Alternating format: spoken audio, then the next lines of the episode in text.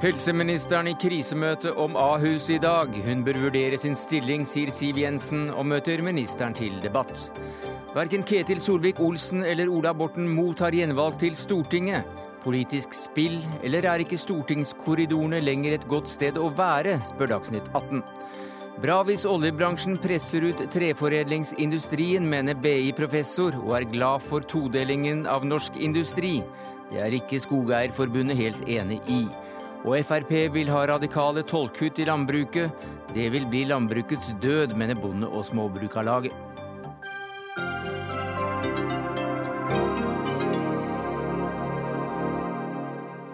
Ja, Det er noen av sakene i Dagsnytt 18 denne mandagen, der vi også tar debatten om Morten Tråviks 17. mai-forestilling i Nord-Korea var umoralsk. Men vi starter med Ahus, for i dag møtte helseministeren ledelsen ved Akershus universitetssykehus og Helse Sør-Øst. Og tema for møtet var vel ikke så vanskelig å gjette seg til, Anne Grete Strøm-Eriksen? Nei, det var jo den eh, aktuelle situasjonen og den aktuelle debatten eh, som har gått. Eh, det er jo slik at Vi bygget nytt sykehus på Lørenskog for å gi et bedre tilbud til pasientene. Det er Norges flotteste og mest moderne sykehus. Men det er klart at det tar veldig alvorlig Eh, det som har kommet frem eh, med eh, dødsfall og uønskede hendelser. Ja, for Det er også da en tilsynsrapport som fylkeslege Petter Skau står for, der han skriver at over 20 pasienter ble betydelig skadd av behandlingen de fikk ved sykehuset i perioden vi snakker om, fra, fra januar, og at det ble registrert ni unaturlige dødsfall, hvorav tre skyldes mangelfull oppfølging. Og Vi kjenner jo alle til tragediene om mandeloperasjonen som gikk så aldeles galt, og et lite barn som som tørstet i hjel. I dag så er det som du vet, du har kommet hjem fra ferie, men mens du har vært på ferie, så har det vært snakket mye om hvem som har ansvaret, og vi har prøvd å nøste litt opp i det. Og hva kom dere fram til i dag på dette møtet? Altså, det, er, er, det, det, tilsynet som fylkeslegen eh, holder på med, det er ennå ikke avsluttet. Fordi at Ahus har jo sendt sin endelige rapport til eh, fylkeslegen. Eh, og, eh, og, så får jo da fylkeslegen og Helsetilsynet gjøre sin endelige vurdering. Eh, det, men det er viktig at alle unaturlige dødsfall ved norske sykehus eller alvorlige skade blir gransket av Helsetilsynet. At de går igjennom disse sakene og ser hva som er årsaken til det. Mm. Det er vanskelig å leve med at noen pasienter kan ha mistet livet eller fått varige skader pga. for lav bemanning. Det skrev eh, Leif Frode Onarheim i en kronikk i VG som begrunnelse eh, for å ta konsekvensene av det ansvaret han hadde som nestleder i styret for Ahus. Hva sier du til det? Altså, jeg, jeg, registrerer at han sier det. Eh, og det er klart at eh, generelt så mener jo også jeg at det er for mange skader ved norske sykehus. Det er jo nettopp derfor jeg har satt i gang en pasientsikkerhetskampanje. Det er jo nettopp derfor vi jobber systematisk med å gå igjennom eh, journaler på norske sykehus. Det er ingen andre land som driver et så systematisk arbeid, og vi er åpne om det. Og det er jo nettopp mm. derfor vi også kan sitte og diskutere disse tallene. Mm. Men det er den eneste måten å bli bedre på, nemlig at vi måler at vi og at de offentliggjør at vi åpner om mm. Eh, resultatene. Det skal vi komme tilbake til, men han eh, ville da altså ikke her i Dagsnytt 18 senere si noe om, om ditt eh, ansvar, eller regjeringens ansvar. Fordi fru Onarheim forholdt seg til sin eier, nemlig Helse Sør-Øst. Men Helse Sør-Øst eies jo av deg, så da blir jo spørsmålet hvilket ansvar har du? Det er, ikke, det er ikke tvil om at jeg har ansvar for helsetjenesten i Norge. Det har jeg selvfølgelig. Og da er også neste spørsmål hvilket ansvar har du for bemanningen som var på Akershus sykehuset, sykehuset i Akershus, Universitetssykehuset i Akershus, uh, fra jul? Altså Jeg har ansvar for at uh, de systemene som skal til for at vi skal få tilstrekkelig bemanning, er, er på plass. Der er styrer ved Ahus, der er styrer ved Oslo universitetssykehus som sammen var enige om Eh, at 1.1.2011 var riktig dato for overflyttingen av pasienter. Det ble meldt til meg eh, gjennom Helse Sør-Øst at eh, det var forsvarlig. Det har også Ahus selv skrevet i den siste rapporten til eh, Helsetilsynet. Det ble vurdert 20.12.2010. Eh, og det var det som var viktig for meg, at det var forsvarlig bemanning Eh, jeg hadde ingen prestisje på tidspunkt for overflytting av pas mm. dette pasientgrunnlaget. Og dette fritar vel eh, ministeren litt for det ansvaret som mange har prøvd å putte på henne, bl.a. deg, Siv Jensen, som leder for Frp? La meg først minne om at da vi i 2001 vedtok eh, den helsereformen som er grunnlaget for dagens styringssystem, så var jo hele poenget nettopp å plassere ansvar mye tydeligere. Ett sted, nemlig i Helse- og omsorgsdepartementet og hos statsråden. Det vi har sett nå gjennom altfor lang tid, er jo eh, NM i ansvarsfraskrivelse. Den ene etter den andre løper fra ansvaret sitt, og når noen peker på dem, så peker de videre på noen andre. Eh, og Derfor så må jeg si jeg stusser litt over noe av det helseministeren sa innledningsvis. Hun sa at hun har registrert at det pågår en debatt. Dette er langt viktigere enn en debatt. Her er det pårørende, det er ansatte, det er eh, pasientombud, det er fylkeslege som advarer mot en, en, en skremmende virkelighet. Eh, det er med andre ord mennesker som lider under at vi ikke har kontroll på et system. Og Det er jo grunnen til at Fremskrittspartiet har foreslått at vi skal ha, nå få en uavhengig kommisjon mm. for å gå gjennom dette, litt à la Gjørv-kommisjonen. For det gir en usminket eh, tilbakemelding på virkeligheten som gjør at vi kanskje kan få en bredere enighet om hva som er feil, og retning på hva mm. vi skal gjøre videre. Og så men, hører jeg men, da at... Men, men før, den, før, den, kommer eventuelt en slik kommisjonsrapport, så, så har du allerede sagt at det var feil person som har gått i forbindelse med at styrets nestleder Leif Frode Onarheim trakk seg. Hvem mener du da burde ha gått? Det jeg har sagt, er at uh, han er nestleder i styret. Jeg har forståelse for hvorfor han gikk. Mm. Men hans overordnede uh, styreleder uh, har ikke vurdert sin stilling. Helseministeren har ikke vurdert sin stilling. Det er med andre ord ingen andre som gjør det.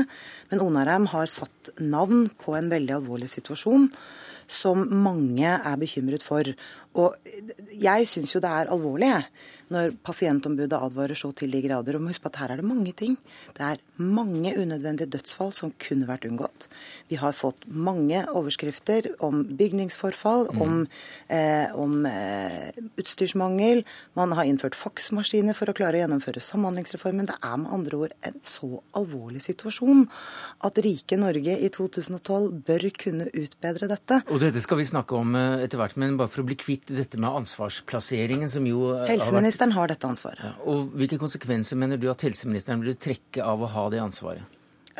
Fremskrittspartiet har sagt at vi mener Jens Stoltenberg bør vurdere om eh, helseministeren bør fortsette å sitte. Fordi nå er det en så grunnleggende tillitssvikt i forhold til styringen av Helse-Norge. Det er problematisk fordi det er mennesker som er involvert i dette. Det er mye mm. lidelse, det er mye angst. Eh, og ikke minst når ansatte advarer så til de grader som det er gjort, også i omstillingsprosessen i Ahus. Og det er jo sånn at selv om det var et enstemmig storting som sto bak eh, beslutningen om å bygge Ahus, så har det vært gjentatte forsøk på å få satt den på pause eh, tilført mer omstillingsmidler. Helseministeren har også diskutert dette i Stortinget mange ganger. Forsikret like mange ganger om at alt er i orden og så viser det seg å ikke være det. Ja, hadde det vært opp til Siv Jensen, så hadde jo eh, enda mer bemanning skulle vært igjen på, på, Oslo universitetssykehus. Den situasjonen som Ahus kom i, hvor det ikke fikk overflyttet bemanningen med, altså personalet med pasientene, det var jo egentlig på bakgrunn av at ikke man eh, var rask nok med bemanningsplaner på Oslo universitetssykehus. Men så la nå det ligge. Altså Det skal ikke være noen tvil om at jeg ser veldig alvorlig på de alvorlige hendelsene som skjer i norske sykehus. Jeg er veldig klar over at det påfører mange mye unødvendig lidelse. Det er jo nettopp derfor vi har gått så systematisk inn i pasientsikkerhetsarbeidet. Det står absolutt på toppen på agendaen for meg. Og så må man heller ikke forsøke å svartmale norsk helsevesen sånn som Siv Jensen gjør. Jeg syns faktisk det er ganske ille i Norge, når vi ser på at vi på andre områder ligger på topp i resultater. Og både på overlevelse og behandling. Situasjonen ved dette sykehuset vi snakker om er jo blitt eh, mye bedre, men la nå, det fare. Her jo, hører du det... at ministeren si, beklager, og ingen skal være i tvil med at eh, hun tar dette svært alvorlig. Og I tillegg så beskylder hun Fremskrittspartiet og opposisjonen for å svartmale en situasjon som på ingen måte er skjønn fra før. Vi, Men det er det generelle på sykehusene? Et, et, et lite øyeblikk. Vi tar dette veldig alvorlig. Når helseministeren kommer til Stortinget og gang på gang forsikrer om at alt er bra, rykker ut i mediene og sier at alt står bra til i helsevesenet, og vi får en, en tilbakemelding fra de som har skoen på der ute, som overhodet ikke samsvarer med det helseministeren sier, så er det jo noe gærent. Da er det et langt stykke fra den eh, skjønnmalingen til helseministeren og til det hun kaller mm. svartmaling. Det må være lov å peke på tiltak for å forbedre denne situasjonen. Og det jeg ikke skjønner, er at hvis det er så bra som helseministeren sier, hvorfor er hun da så redd for å sette ned en uavhengig kommisjon for å få gått gjennom disse tingene? Altså, nå, vi, nå, legger jeg frem i, i, i, høst to viktige stortingsmeldinger som har med sykehusene å gjøre. Den ene det er om IKT i helsevesenet, som er veldig viktig. Og den andre det er om pasientsikkerhet. Det er jo nettopp det arbeidet som er startet opp. Hvordan skal vi gå videre? For det er jo det dette dreier seg om. Det er jo pasientsikkerhet. Og mitt anliggende er jo at man må jo på en måte ta hele bildet når det gjelder sykehusene. Og jeg har liksom ikke sett på hva er da Siv Jensens alternativ, bare det å ha en kommisjon. Vi har et helsetilsyn. Vi har en utrykningsenhet som vi nå eh, evaluerer, og hvor evalueringen vil komme i, eh, i, denne stortingsmeldingen. Det blir rikelig anledning til eh, både opposisjonen og alle på Stortinget å diskutere eh, sykehusene og helsevesenet men, men, fremover. Men en egen kommisjon for å se på akkurat dette tilfellet nå på Ahus etter jul, det vil du ikke ha?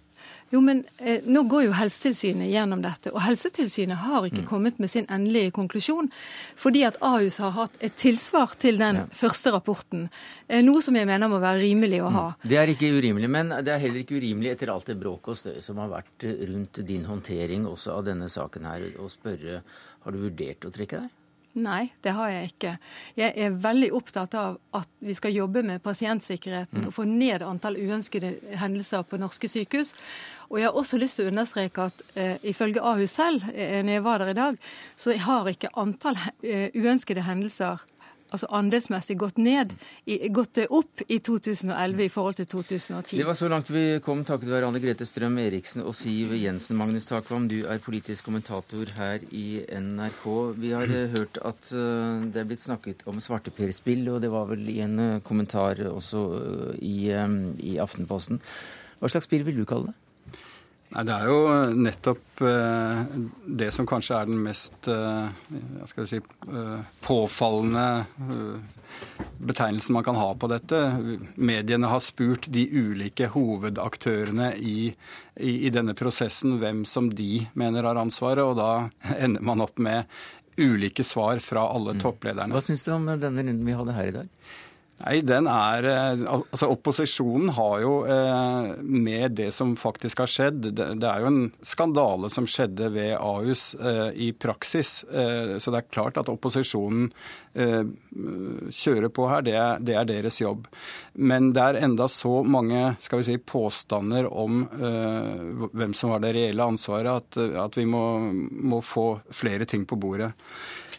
En en ting som kan høres veldig teknokratisk ut, men som belyser hvor uh, innfløkt dette er, er jo at uh, formelt sett så har jo styret ved Ahus, der dette har skjedd, ansvaret for å uh, skal vi si, ha bemanning nok når denne fusjonen skulle skje. Sånn at formelt sett er det ikke tvil om det. Men samtidig så har man da valgt en modell der hvor eh, det overordnede styret, eieren, Bente Mikkelsen, som sitter i det regionale helseforetaket, mm, Helse har sin, sin, eh, en av de folkene hun har i sin stab, som styreleder i Ahus. Mm. Altså har hun en slags nakketak på Eh, Ahus på den måten ved å plassere sin person der. Dette er veldig mange som peker på er en uheldig måte å organisere det på. Og eieren av det igjen er altså da helseministeren. Ja, så eh, jeg tror at dette vil bli en politisk debatt der eh, nå er det antagelig bare Arbeiderpartiet igjen som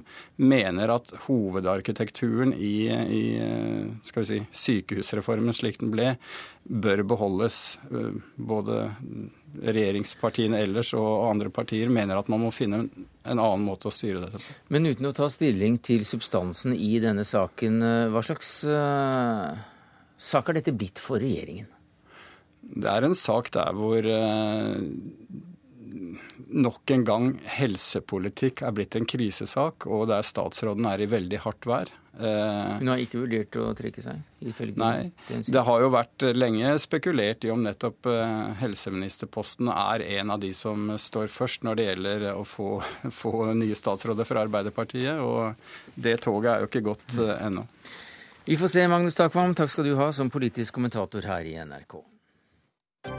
Hør Dagsnytt 18 når du vil, på nettradio eller som podkast nrk.no dagsnytt 18. Men en som om ikke går, så, ikke, så i hvert fall ikke vil gjenvelges eh, flere ganger eh, i denne omgangen, det er deg, Ketil Solvik-Olsen eh, fra Fremskrittspartiet. For du har sagt nei til å bli valgt inn på Stortinget til, til neste år. Vi skal snakke med deg. Ola Borten Moe jakter vi fremdeles på. Men hvorfor tar ikke du gjenvalg? Nei, Jeg tar en pause, har jeg sagt. Rett og slett fordi at familiehensynet, når vi ser i glasskula de neste fem årene fram til 2017, så har vi behov for å ha en skal vi kalle det en geografisk fleksibilitet som yrket på Stortinget ikke gir oss. Rett og slett det har med min kones karrierevalg og, og sånne ting. Og da er det en tid for alt. Og akkurat nå så var det sånn vi prioriterte. Så håper jeg at jeg i framtiden kan komme tilbake igjen og være mer aktivt i politikken på vegne av Fremskrittspartiet i Stortinget. Men jeg har òg fortalt Siv Jensen i dag at jeg mer enn gjerne stiller meg til rådighet for andre verv og muligheter som Fremskrittspartiet ønsker å bruke meg til. I En annen ministerpost eventuelt? Eller et utvalg i partiet eller strategi. Det er mange ting en kan gjøre i politikken uten at en må være på Stortinget. Når jeg engasjerte meg i politikken for 25 år siden, så var det ikke nødvendigvis for å få det som min eh, hovedinntektskilde, men fordi at jeg trodde på ideer. Og de ideene lever godt i Fremskrittspartiet den dag i dag. Så det viktigste for meg er å bidra til at Frp kommer inn i regjering og får være med å påvirke det norske samfunnet, ikke nødvendigvis at jeg har en sentral rolle i det sjøl. Men vi har snakket med folk som mener at det er tidenes dårligste timing omtrent. Altså du blir valgt inn det ja. året de rød-grønne tok over, og så har det vært, om ikke en ørkenvandring, så har det i hvert fall ikke vært eh, hei og hå. Nå har vi det veldig moro i eh, opposisjon med en eh, flertallsregjering. Og når det da går mot valg, og ifølge meningsmålingene så er det store sjanser for at det blir en endring i regjeringssystemet, ja. så trekker du det. Ja, og det har gjort at denne prosessen har vært både vond og lang for, for vår del, nettopp fordi jeg ser hvilke muligheter som vi gjør glipp av. Men uh, i valget mellom det som jeg har mest kjær i livet mitt, nemlig familien, og den jobben jeg liker mest av alt, nemlig Stortinget, så er det likevel naturlig for meg å prioritere familien. Hvilken statsrådjobb er det som vil få deg tilbake til Oslo, da? Skulle forespørselen komme, så har min kone sagt at da kan vi ta den diskusjonen. Men eh, det viktige for meg å være med og bidra til at Frp kommer i den situasjonen. Det er mye flinke folk i Fremskrittspartiet som kan skjøtte en statsrådspost eh, vel, så det bekymrer meg ikke for på vegne av partiet. Takk skal du ha, Ketil Solvik-Olsen. Enn så lenge altså stortingsrepresentant for Frp. Eh, det er en annen kar som har eh, sagt fra at han ikke tar gjenvalg, og det er Ola Borten Moe, nestleder i Senterpartiet og eh, energiminister. Jon Arne Moen, du er politisk redaktør i Trønderavisa, som var tidlig ute med denne meldingen. Ble du overrasket over dette? Veldig overraska, fordi at han har jo først signalisert til nominasjonskomiteen i, i eget fylke at han går for fire nye år. Og han har også sånn muntlig Eh, gitt uttrykk for at han ønsker det, og det er relativt nylig. Ja, Hvorfor går han da? Ja, Den offisielle begrunnelsen har vi jo fått i form av en pressemelding. Den har sikkert du lest, og den har jeg lest, og mange andre. Eh, hvis det ligger noen annen begrunnelse bak der, så har ikke ja, den kommet fram ennå. Men der sier han Nei, altså det har jo vært mye konflikt rundt ham. Uh, han hadde jo helt åpenbart ambisjoner om å bli partileder. Uh, nå ser han jo at han utfordres uh, i framtida av Marit Arnstad. og det kan jo være at han har lagt sammen noen tall og funnet ut at det går ikke i hans favør, at han dermed like godt hopper av. Arkiverer han altså med dette hele, hele sitt engasjement når det gjelder å komme helt til topps i, i politikken? Ja, Han sier jo sjøl at han ikke nødvendigvis gjør det, og det er godt mulig. Han er såpass ung at han kan jo komme inn også etter en Marit Arnstad-periode i framtida. Men samtidig så er det jo sånn at når du har trukket fra politikken, så er det få som kommer tilbake. Den nå nevnte Arnstad jo, er jo en av få. Eh, så hvorvidt Borten Moe vil klare det samme, det gjenstår nå å se. Magnus Sakam, fremdeles politisk kommentator her i NRK. Er eh, Borten Moe en comeback-kid? Vanskelig å si. Jeg er enig med, med Trønderavisa her om at det er sjelden. Eh, han sier jo sjøl at dette er et valg han gjør for å kunne gjøre andre ting enn politikk. Og det er åpenbart at eh, noe lederverv, i hvert fall i Senterpartiet, det, det kommer ikke på tale. Og, eh, så jeg er enig i at dette var veldig overraskende. Og jeg tror veldig mange i Senterpartiet er skuffet over det også, og for så vidt i et bredere politisk miljø, fordi Ola Borten Moe er en politikertype som selv om mange er uenige med ham og, og mener han, han, er for glad i olje osv., er en selvstendig politiker som, som er sjelden, mer og mer sjelden. Så på en dag der han varsler at han går av, så går det an å si at uh, mange vil savne han også. Det er helt sikkert. Ja, For uh, Senterpartiet så er vel ikke dette nødvendigvis godt uh, nytt et år før valget? Nei, det er det nok ikke. fordi at partiet sliter jo i likhet med regjeringa med å klare å komme på noe som ligner på offensiven. Det går jo tilbake. Det gjør det jo også i kjernefylkene Trøndelag. Eh, og det at en så profilert politiker nå varsler at han takker for laget, det er selvfølgelig ikke godt mm. nytt. Men for han har vel hatt ganske bred støtte i store deler av velgergruppa? Ja, absolutt. Og han er jo representant for én fløy, hvis man skal være enkel i forhold til Senterpartiet. Og veldig mange næringsvennlige politikere i Senterpartiet hadde håpet på en periode med han. Men han eh, er, eh, Liv Signe Navarsete har uh, signalisert, i hvert fall uh, slik at de fleste har fått det med seg, tror jeg, at hun tar, tar gjenvalg og vil da sitte antagelig til 2015. Slik at i løpet av den perioden så kan jo mye skje. Men det mm. kommer til å bli en ny dynamikk i Senterpartiet i forhold til framtidige lederkandidater. Og der er selvfølgelig Marit Arnstad et, et hett navn. Ja, Heter det nå da, kanskje? Absolutt. Det må vi gå ut ifra. Men hva har skjedd i kulissene her? Jeg vet ikke. Nå, nå, blir det sagt at han har ombestemt seg eh, relativt nylig, siden han har signalisert noe annet til nominasjonskomiteen. Og det, det er riktig at han i, i sommer har sagt at han, lik, at han, var innstilt på å stille. Så, eh, så hevdes det da at eh, det, utsikten til å liksom sitte så lenge eh, uten å ha mulighet til å gjøre andre valg i livet på en måte modnet i han, og så, så ombestemte han seg. Men om det har vært andre politisk interessante prosesser bak dette, det, det, vet jeg ikke. Klippe har også sagt at ikke hun vil uh, ta gjenvalg, sitter som minister. Nå er det en Senterpartiminister til som sier nei til gjenvalg. Altså, hva gjør det med en regjering? Nei, Om du gjør så mye med regjeringen, det er ikke så godt å si. Regjeringen sliter med utgangspunktet. Eh, men det er klart, eh, for partiet Senterpartiet så vil jeg nok si det ganske alvorlig at en av de to-tre mest profilerte politikerne gjennom de siste årene nå veldig uventet sier takk for laget. Han er jo tross alt bare midt i 30 år, altså han er ung. Eh, og han var jo, mange hadde jo, som det blir sagt her, sett for seg han som en ny framtidig partileder. Nå lukkes den døra. Det er, nok, det er nok ikke noe godt nytt sånt sett for partiet. Men så er det også nok andre i partiet som er kanskje atskillig mer fornøyd med at han nå trekker seg. Som f.eks.? Nei, det har jo ikke vært noe hjertelig forhold mellom eh, Ola Borten Moe og partilederen og kretsen rundt partilederen. Det, jo en, det jo, ligger jo åpent i dagen. og det er klart Der er det nok noen som nå trekker nesten et lettelsens sukk. Ja, Det kan godt hende. Og jeg tror Eh, men jeg tror samtidig at Navarsete ser at eh, for Senterpartiets del så er det bra å ha oppslutning også eh, i, en bredde. Altså at ikke hun alene kan fronte Senterpartiet utad. Så Eh, Senterpartiet må ha oppslutning i mer enn skal vi si, hennes segment. Mm. Så på den måten så tror jeg de har vært litt avhengige av hverandre også. Ketil Solvik-Olsen ved siden av dere her, men her trekker seg også, det er av familiegrunner, at Stortinget er for det er for mye jobb og for lange kvelder til at det går i hop for en eh, familiefar. Er ikke stortingskorridorene det samme stedet å være som eh, for en stund siden? Nei, det er nok åpenbart ikke. Tidligere, ser vi noe langt nok på det, så var det jo Stortinget noe av det fremste du kunne oppnå i det norske samfunnet. Sånn er det jo ikke lenger. Mm. Eh, og vi ser jo at mange unge, lovende politikere tar en kort runde og så trekker seg. Ung og lovende Ketil Solvik-Olsen, det var det du fikk eh, på fallrepet her i Dagsnytt 18 i denne omgang. Eh, takk skal du ha. Takk til Magnus Takvam, takk til Jon Arne Moen. Solvik-Olsen, du må gå, for du har en sønn sittende utenfor, så takk for at du kom.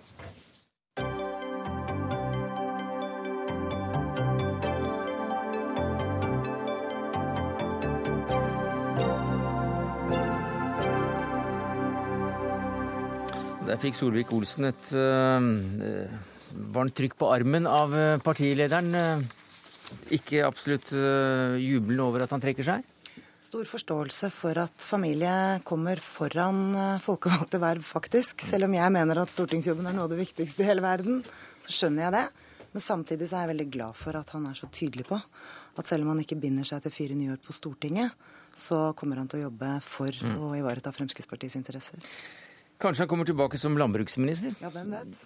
I eh, landbruket så er man ikke så veldig glad i eh, Fremskrittspartiet om dagen, om de noen gang har heist flagget for det partiet. For eh, landbruket og prisen på mat her i landet, ja det skal vi snakke om nå. For å sikre billigere matvarer og en overlevelsesdyktig næring må tollsatsene reduseres.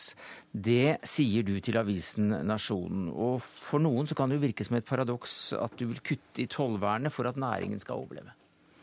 Bare for å supplere, så sa jeg mye mer til avisen. Du kan ikke ta alt. Nei, men jeg var opptatt av helheten i det. Fordi vi Fremskrittspartiet vi vil slippe bonden fri. Vi vil bort fra en politisk gjennomregulert næring til en, eh, det å bli behandlet som selvstendig næringsdrivende, hvor mye av dagens reguleringer, påbud og forbud blir fjernet, sånn at det går an å leve av å være heltidsbonde. Det er jo et paradoks at stadig færre er heltidsbønder. De aller fleste har, må hente inntekter fra andre ting i tillegg. Og så har jeg lyst til å trekke en parallell til fiskerinæringen. Fordi også før fra 30-tallet og frem til 90-tallet så var fiskerinæringen gjennomregulert på linje med landbruket. Og man så den samme utviklingen som for landbruket, nemlig at stadig færre kunne leve av egen inntekt. Så deregulerte vi fiskerinæringen, og etter det så har det også nærmest vært en eksplosjon både i inntektene og i antall fiskere som mm. lever heltid av å fiske. Men reduksjon i tollvernet, hvis vi kommer tilbake til det som en, som en enkel post i det store regnskapet ditt, hvordan eh, skal det da være med å redde norsk landbruk? Nei, men jeg, Fremskrittspartiet kommer ikke bare til å foreslå å gjøre noe med tollvernet. Det mener vi er viktig rett og slett fordi det gir forbrukerne mer mangfold i butikkhyllene. Men for norske bønder så er jeg opptatt av at de skal ha muligheten til å leve 100% av det å være bonde. Og da er det like viktig å se på alle de reguleringene som i dag er problemet. Og så må vi jo se på hvilken utvikling mm. som har skjedd. da. Det blir stadig flere, færre bønder. Nå er det og stadig mer landbruksbyråkrati, stadig flere regler, papirmøller som skal, man skal forholde seg til. Man bruker altså forholdsvis mye tid på alt annet enn mm. å produsere mat. Reduksjonen i tollvernet var altså ikke et uh et middel for å, å, redde norsk landbruk, men en del av en pakke. Anne Merete Furuberg, du er leder i Bonde- og småbrukarlaget. Hva sier du til hele pakka, da? Eh, det å redusere tollvernet, det er å fjerne noe av det viktigste for å kunne sikre norsk matproduksjon, og faktisk å sikre sikre at vi skal ha mat for eh, folket i Norge.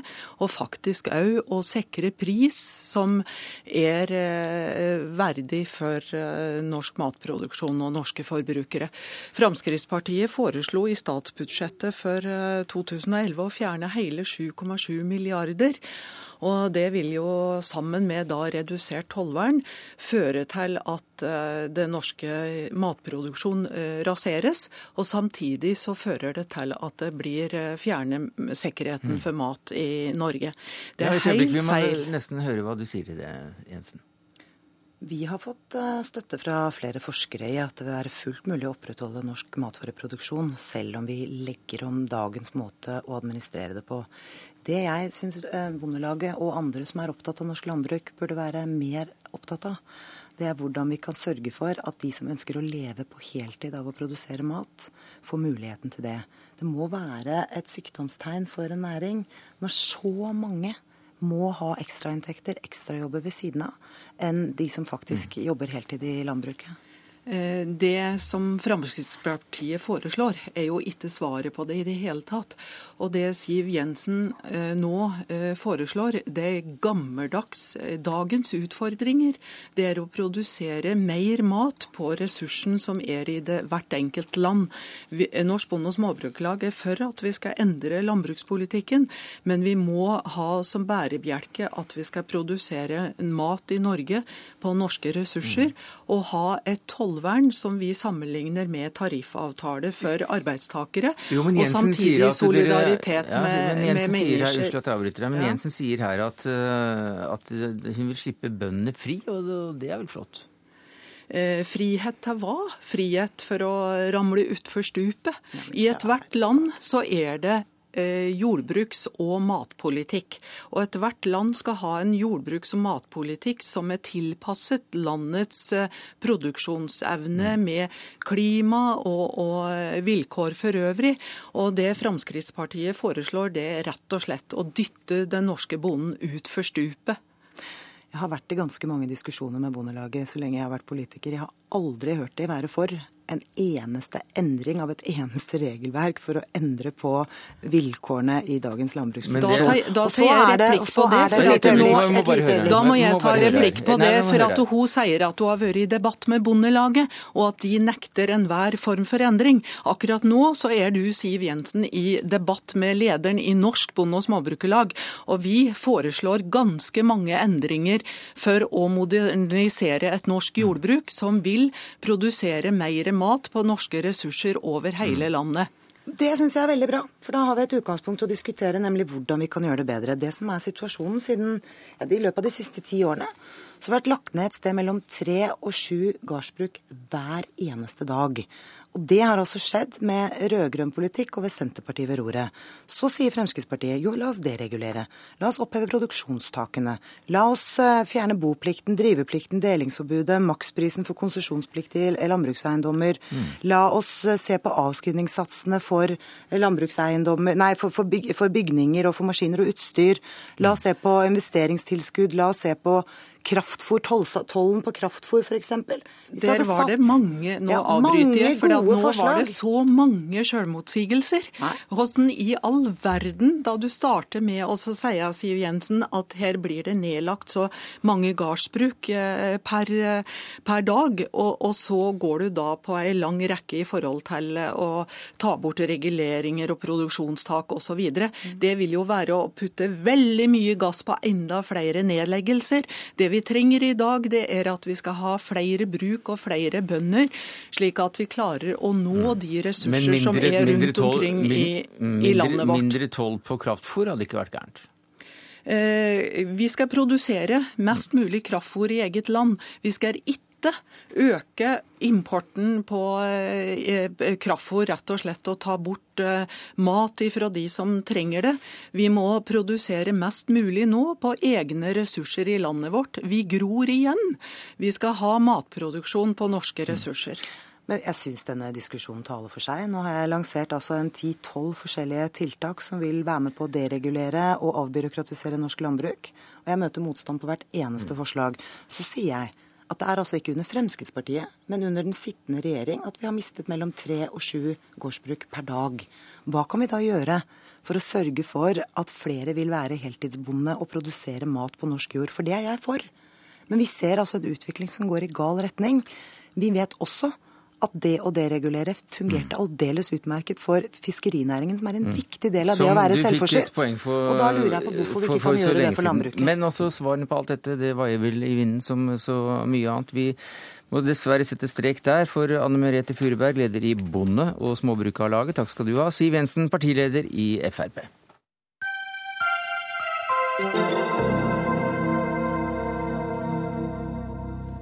For vi skal inn på en svært alvorlig nabokrangel i eh, Øst-Asia. I Kina har nemlig sinte demonstranter gått løs på japanske butikker og fabrikker. Stridens kjerne er da denne ubebodde øygruppen i Øst-Kina-havet, som også har utløst spenning på storpolitisk nivå.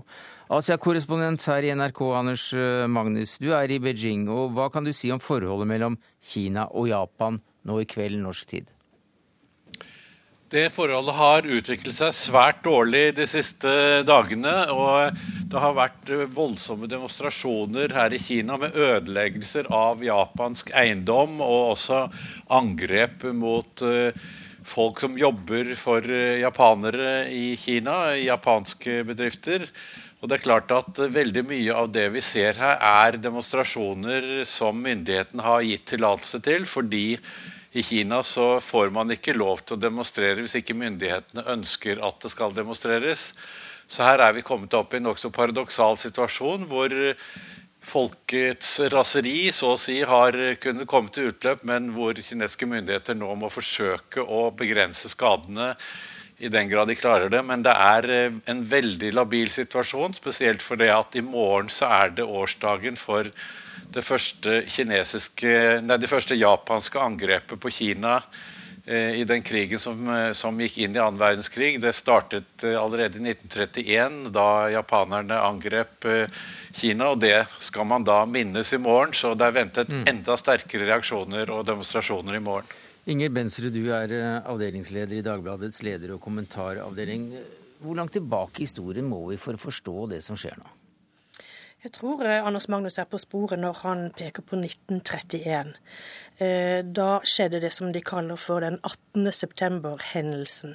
Og Det var en slags eh, sabotasjeaksjon mot et japansk jernbaneanlegg i Nordøst-Kina som førte til at japanerne angrep de kineserne som var der. Og det utløste etter ca. fire måneder begynnelsen på den 14 år lange motstandskrigen, som kineserne kaller det. Og den sluttet jo ikke før amerikanerne bombet eh, Japan i 1945.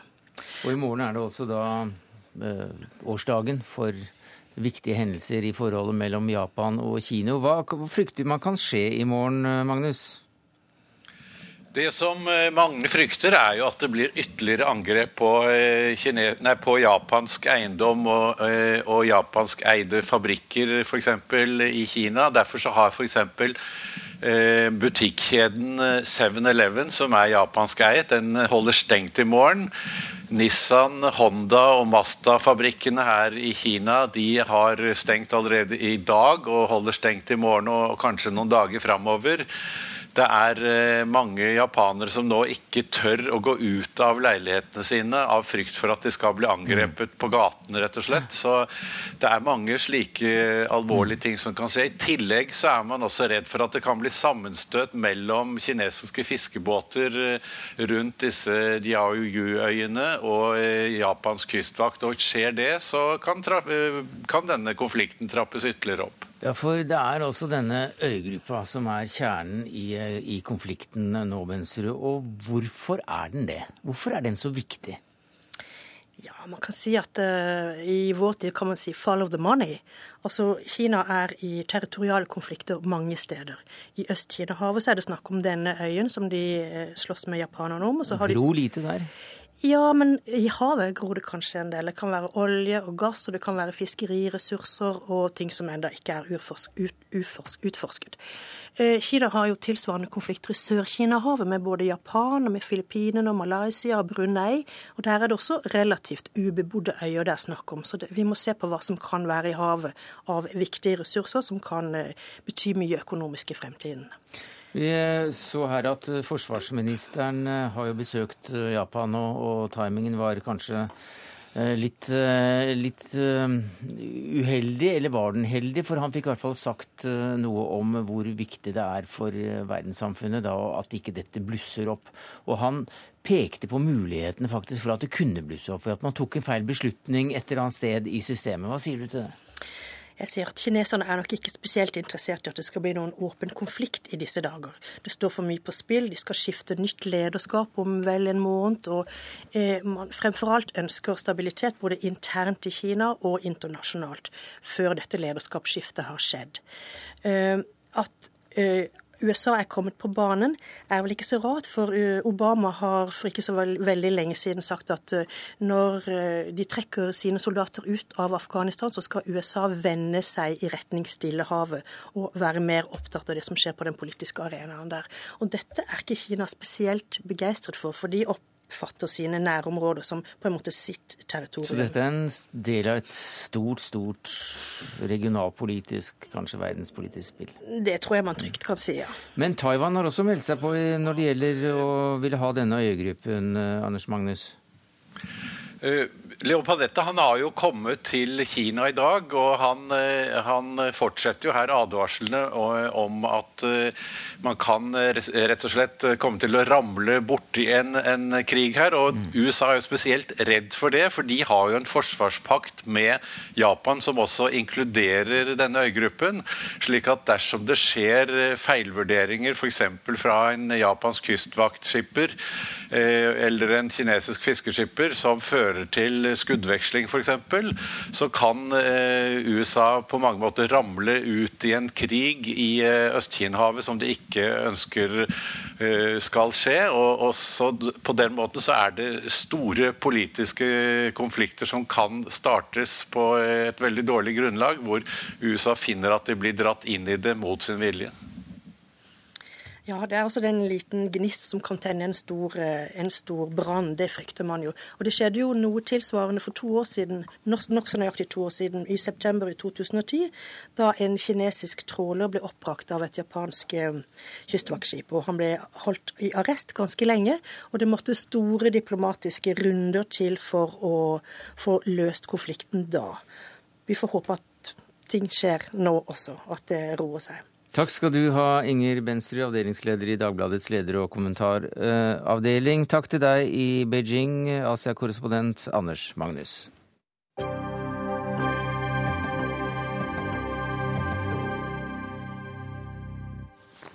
Norsk oljebransje går som eh, olja lyn, til glede for eh, mange. Men eh, det er eh, visst ikke hele næringslivet vårt som smøres av denne oljen. Tvert imot. Eh, kampen om kvalifisert arbeidskraft og stålsterk kronekurs har fått bekymringsrynkene fram hos økonomer og politikere. Men så sier altså BI-professor Torger Reve til Dagens Næringsliv at det er bra at oljebransjen presser ut tradisjonelle eksportrettede industrier, som treforedlingsindustrien. Og hva sier du da til det som administrerende direktør i Norges Skogeierforbund, Gudbrand Valen? Jo, jeg eh, mener at det virker litt bakstreversk. Mm -hmm. Nå har vi de siste 60 årene mer enn eh, tredoblet skogen i Norge. Vi har snart 900 millioner kubikkmeter stående. Skog er fornybart resirkulerbart, og det er klimagunstig. Det er bare gunstige formål med å bruke skog. Og Det som forundrer meg litt med Reves innlegg, det er at dagen etter i samme næringsliv, Dagens Næringsliv så skriver han at det vi trenger i Norge, det er forskning og kunnskap om nanoteknologi og andre stoffer. Og Det er jo nettopp det denne industrien gjør. Treforedling er ikke bare gammel tresliperier, som man skulle tro. Det er en moderne kjemisk industri med høyt mm. avansert eh, teknologi. Og nå er du redd for at denne skogen råtner på rot? Nå er jeg redd for at den råtner på rot, og da får vi ingen av de gunstige effektene som vi nå har bygget opp. Torgeir Reve, professor ved Handelshøyskolen BE. Skal vi la skogen råtne på rot? Jeg har ikke noe imot treforedling. Det, poenget mitt var egentlig å si at det vi trenger er omstilling. Og det trenger vi i all næringsliv. Eh, og den næringen som har gått foran, er jo offshoreindustrien, som da har vist at det er mulig å drive fra Norge med store resultater. At det så går ut av noen andre næringer, det gir et økt omstillingspress. Og hvis de da bruker kunnskap som man sier, så er det en god ting. Så jeg er opptatt av at de omstiller seg, og så vil de dårligste dø. Sånn er eh, kapitalismen. Sådan er kapitalismen. Jo, men samtidig så ser vi at staten har brukt store midler på å nettopp legge til rette for for oljeindustrien og ved å investere i den. Og, og, Det er noe av det jeg savner her i forhold til den industrien vi har. Altså, vi kan se de globale utfordringene. Det kan være kamp om mat. Nå har deler av denne industrien funnet ut at i løpet av noen års tid så kan vi trolig bruke en del av treet til å fòre oppdrettsnæringen vår med. Vi vet at eh, det er kamp om vann i store deler av verden. Det er mye mer ressurseffektivt å bruke trefiber enn bomullsfiber. Jeg tror det ligger godt under 20-gangeren mm. i vannforbruk. Men det er en del av disse omstillingsprosessene som da Reve eh, sier er, er veldig fornuftig å, å, å, gjennomgå, hvis man får til det. Ja. Så da er de vel ganske enige, da? Ja, det er vi ganske enige. Og det er selve utfordringen. Det ligger nettopp at samfunnet må legge til rette mhm. for å sørge for at vi får den verdiskapningen i Norge. Men, for eh, skogeiere er, det, er det i dag slik at vi kan godt eksportere tømmeret. Men da går samfunnet vårt glipp av den foredlingsgevinsten som man har hatt i et par hundre år. Og det er det som skaper merverdi i samfunnet. Mm. Altså, debatten begynte egentlig med at noen ønsker at vi skulle gjøre mindre på olje offshore. Eh, som er en egentlig merkelig diskusjon. fordi at det er jo den næringen som absolutt går best.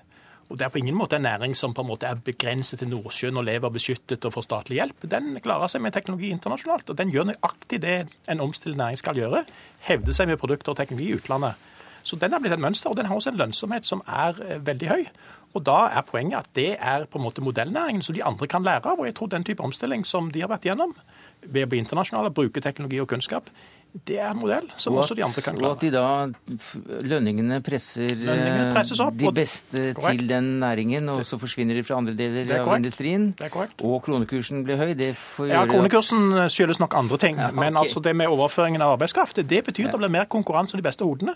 Og de som gjør det best, de får også de beste folkene. Som direktør i Norsk Industri så sier uh, du at um, at dette er litt historieløst. Stein Lill Larsen, hva mener du med det? Jo, fordi at uh, vi, har, vi, har, hørt gjennom mange år f.eks. at verftsindustrien i Norge ikke har livets rett. I dag så har vi verft i Norge som konkurrerer meget bra globalt fordi at de har vært innovative. De har vært uh, satsa gjennom forsk på forskning og fått fram teknologiske løsninger.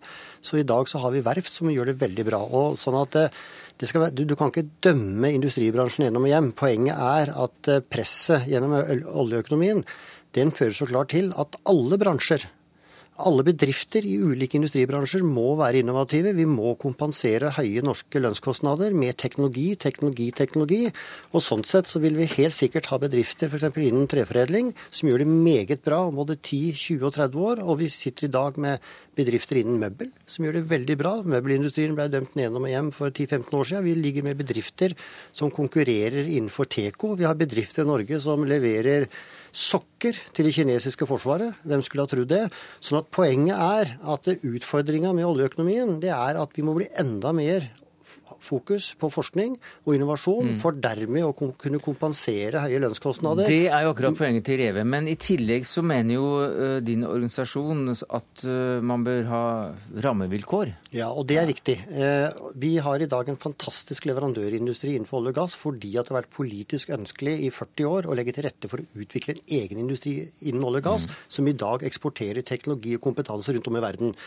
Det må gjelde for alle industribransjer. Altså Vi må ha rammevilkår som gjør at vi har optimale muligheter for å lykkes bransje for bransje med innovasjon og forskning, og dermed være konkurransedyktig. Det er hele poenget. Og Sånn sett så fikk vi en avklaring i forrige uke i regjeringa med den såkalte CO2-kompensasjon for eh, effekten av kvotehandel i kraftprisen. Det er et eksempel da på et mm. tiltak regjeringa gjør for å legge bedre til rette for at kraftforedlende industri f.eks., som også treforedling er en del av, skal kunne lykkes i Norge framover gjennom investeringer i ny teknologi. Reve, er det løsningen på, på det problemet som du skisserer? nemlig eh, nemlig at staten skal inn med virkemidler for å redde og styre den eh, delen av industrien som du mener godt kan eh, ja, Problemet er at noen av virkemidlene er sånne forsinkende omstilling, altså som har til hensikt på å gjøre omstilling mindre smertefull. Det jeg tror vi må ha, er, som vi alle tre har sagt, satsing på kunnskap og innovasjon og forskning.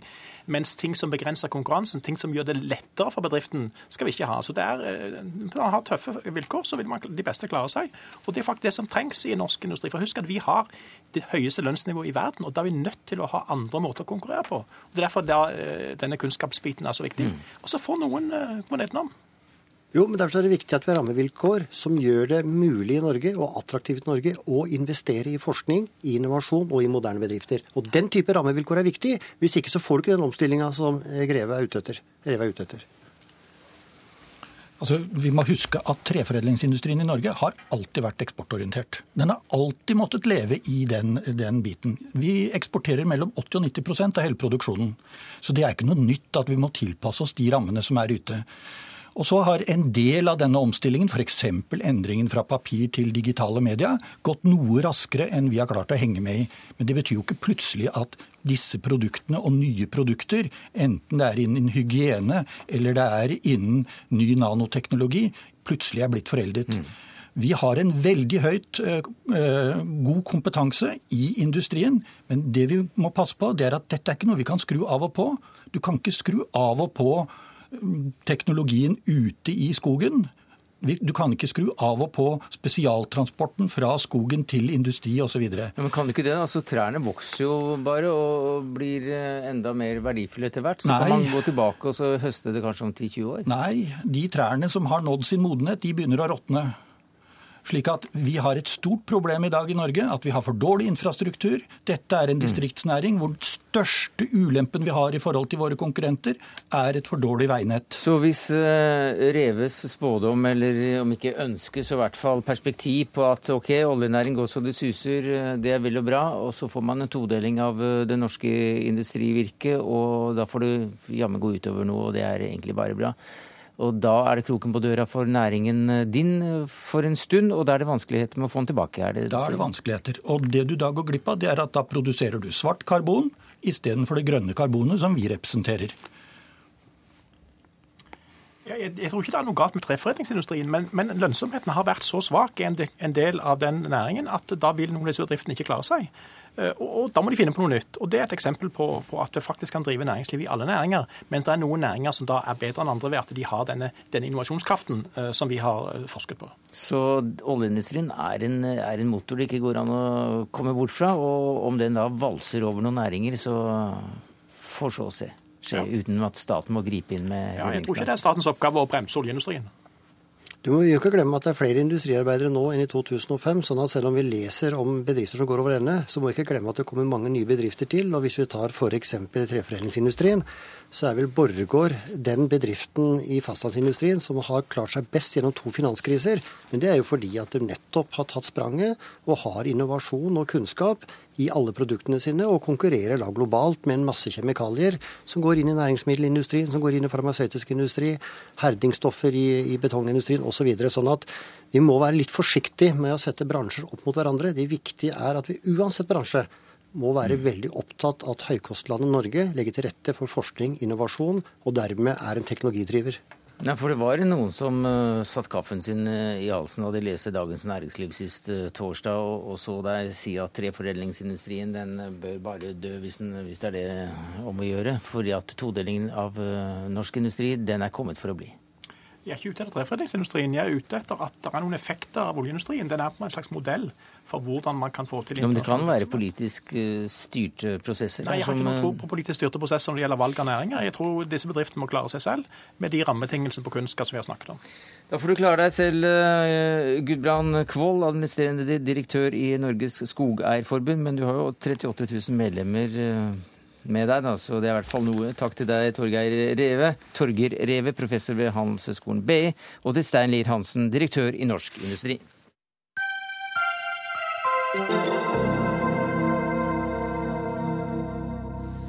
Ja, 13. mai så dro altså kunstneren og regissøren Morten Tråvik eh, sammen med et knippe musikere og skuespillere til eh, Nord-Korea for å arrangere en 17. mai-fest. Forhåndsannonsert her i Dagsnytt 18, tett fulgt av dokumentaristene i Nasjonalgalleriet i NRK Fjernsynet. Men Tråviks kultursatsing i Nord-Korea er ikke du særlig begeistret for, Civita-historiker Bård Larsen. For på NRKs debattsider Ytring så kaller du Tråviks prosjekt for umoralsk og navlebeskuende. Og hva er det som er så umoralsk med dette? Det umoralske er at han, eh, slik jeg ser det, leker med symboler eh, i en sånn nærmest sånn pop-art, popkunst, historisk eller popkunstsetting. Eh, mens bakteppet er en, en, grusom tragedie som utspiller seg i Nord-Korea. Og han, han, dypper ikke noe særlig dypt inn i, inn i den materien. Og uh, det virker også som han er fanget i sitt eget spill etter hvert. Han har vært i Nord-Korea seks ganger. Når han da kommer med uttalelser på nettopp Nasjonalgalleriet som at vi har mye å lære, en del å lære av den nordkoreanske nasjonalismen, som er svært brutal, svært aggressiv.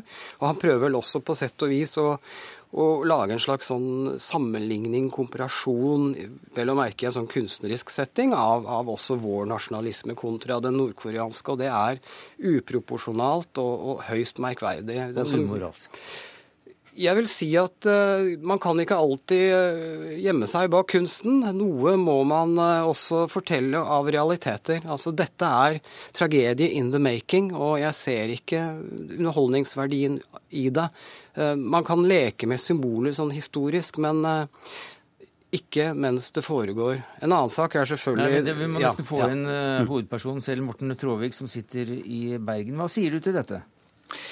Nei, jeg sier jo først og fremst at jeg synes eh, altså Det har jeg jo allerede sagt eller skrevet på NRK Ytring eh, sine nettsider i dag at jeg vil gjerne takke Bård Larsen, for jeg syns han gjør en utmerket rollefigur i eh, denne iscenesettelsen som vi alle er en del av.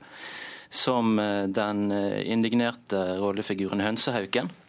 Som er uforsonlig og kritisk som en hauk, men har mer til felles kanskje med høns. Men hvis du forholder deg til substansen i kritikken, hva sier du da? Jeg syns ikke det er noen substans i kritikken. Nei, Jeg kan jo spørre Tråvik selv eh, når han uttaler på, eh, på Nasjonalgalleriet at han ikke har holdepunkter for å si hvorvidt slike leire eksisterer. Da snakker vi om konsentrasjonsleirer. Nå sist i dag så eh, modererer du deg noe. Du sier at jo, det finnes fangeleire, men man kan ikke kalle dem konsentrasjonsleire, for det mener du da er å hitle debatten. Jeg, jeg forstår ikke helt uh, hvordan du kan få deg til å, å si disse tingene. Eh, det kan jeg få meg til å si for det første fordi at du helt med tydeligvis med overlegg feilsiterer meg. Jeg sier ikke noe sted og har aldri sagt at vi ikke har holdepunkter for at fangeleirer eksisterer i Nord-Korea. Eh, det har jeg aldri sagt. Der kutter du sitatet mitt i filmen i to, og bruker den delen som passer dine formål best. Men for at ikke vi skal bli fanget i flisespikkeri om formuleringer, så kan jeg si at eh, det har jeg også skrevet til deg i dag at jeg aksepterer ikke de premissene for diskusjonen som den hitlingen jeg mener du bedriver, eh, legger. Nemlig konsentrasjonsleire, Det tredje riket. Du sammenligner eh, Nord-Korea med den verste nasjonalismen siden Det tredje riket. Masse, massemønstringer som du sammenligner med Hitlers eh, Nürnberg. Eh, Eh, manifestasjoner. og Jeg aksepterer mm. ikke de premissene for diskusjonen, og derfor vil jeg ikke svare på om hva jeg mener om konsentrasjonsleirer i Nord-Korea. At Nord-Korea at, at, at vi, må nesten, vi må nesten få inn Larsen her. Altså, Som historiker og idéhistoriker så mener jeg jeg har eh, ganske god ryggdekning for å si at eh, det vi ser av det nordkoreanske systemet, er det er en, eh, en blanding av god, skjæringspunktet mellom eh, stalinisme og fascisme. Og, eh, og hvis en ser historisk på det på 30-tallet i Tyskland, så var jo når, når, man konsoliderte det tyske nazistpartiet, så var det en veldig sterk nasjonalistisk falang, en sosialistisk falang. Eh, og derav også for så vidt navnet nasjonalsosialistene. Ja, du, du, spør da også at, uh, om Tråvik kunne gjøre det samme som dette med Hitler-Tyskland? Ja, det mener jeg er høyst relevant. Fordi at vi har eh, Jeg tror at det er en slags ubalanse i i diskursene her at, at, man ser litt lett på og kan nærmest spøke med en del av de kommunistiske diktaturene, mens det ville være helt uhørt å gjøre noe tilsvarende i Det tredje riket. Tråvik. Ja, altså jeg, jeg, jeg, eh, Som sagt, jeg aksepterer ikke det diskusjonspremisset der man trekker inn hele begrepsapparatet fra Hitler-Tyskland. Det, det, gjør hele debatten primitiv og forutsigbar og ganske uinteressant. Eh, men når, når Larsen eh, spør meg, så vil jeg gjerne spørre Larsen tilbake igjen. Kanskje på et litt større, og prøve å heve perspektivet litt enn en, en ordkløverier. Eh, hva, hva synes, hvordan synes du omverdenen bør eh, håndtere Nord-Korea for at innbyggerne der skal få et bedre liv? Larsen? Hva er ditt konkrete forslag? Eh, jeg har ikke så veldig mange konkrete forslag til det, fordi det er det vel strengt tatt ikke så mange andre som har heller. Det er en gordisk knute. Det er fryktelig vanskelig. Men til, nå, til, til, til nå så har det jo vært eh, å, å, å, ha handelsrestriksjoner og prøve å isolere landet, og det har ja, ikke hjulpet. Nå er det jo slik at det er altså, Hvis en ser tilbake på nordkoreansk historie, så er det mm. Nord-Korea selv som har lukket seg inne gjennom Kim Il-sungs jordskjelvteori, altså ideologi. Det er jo en mm. selvbergingsideologi. Men men det er ikke slik at det er Vesten som isolerer Nord-Korea. Det gjør de selv. Vest, Vesten prøver så godt de kan å hjelpe også USA, Nord-Korea i hungersnøden, men i mange perioder så har Nord-Korea sagt nei, de ville ikke ha innsyn mm. engang. Tror vi ikke vi begynner å nærme oss slutten. Jeg må bare spørre deg helt til slutt, vi har 20 sekunder igjen. Hva, hva blir ditt neste prosjekt? Du har fått uh, trekkspillere hit, og du har uh, fått dem til å dirigere norske militære etc. Hva blir ditt neste prosjekt? Neste prosjekt får premiere i Trondheim om et år og da skal vi lage barneteater om propaganda med nordkoreanske og norske barn.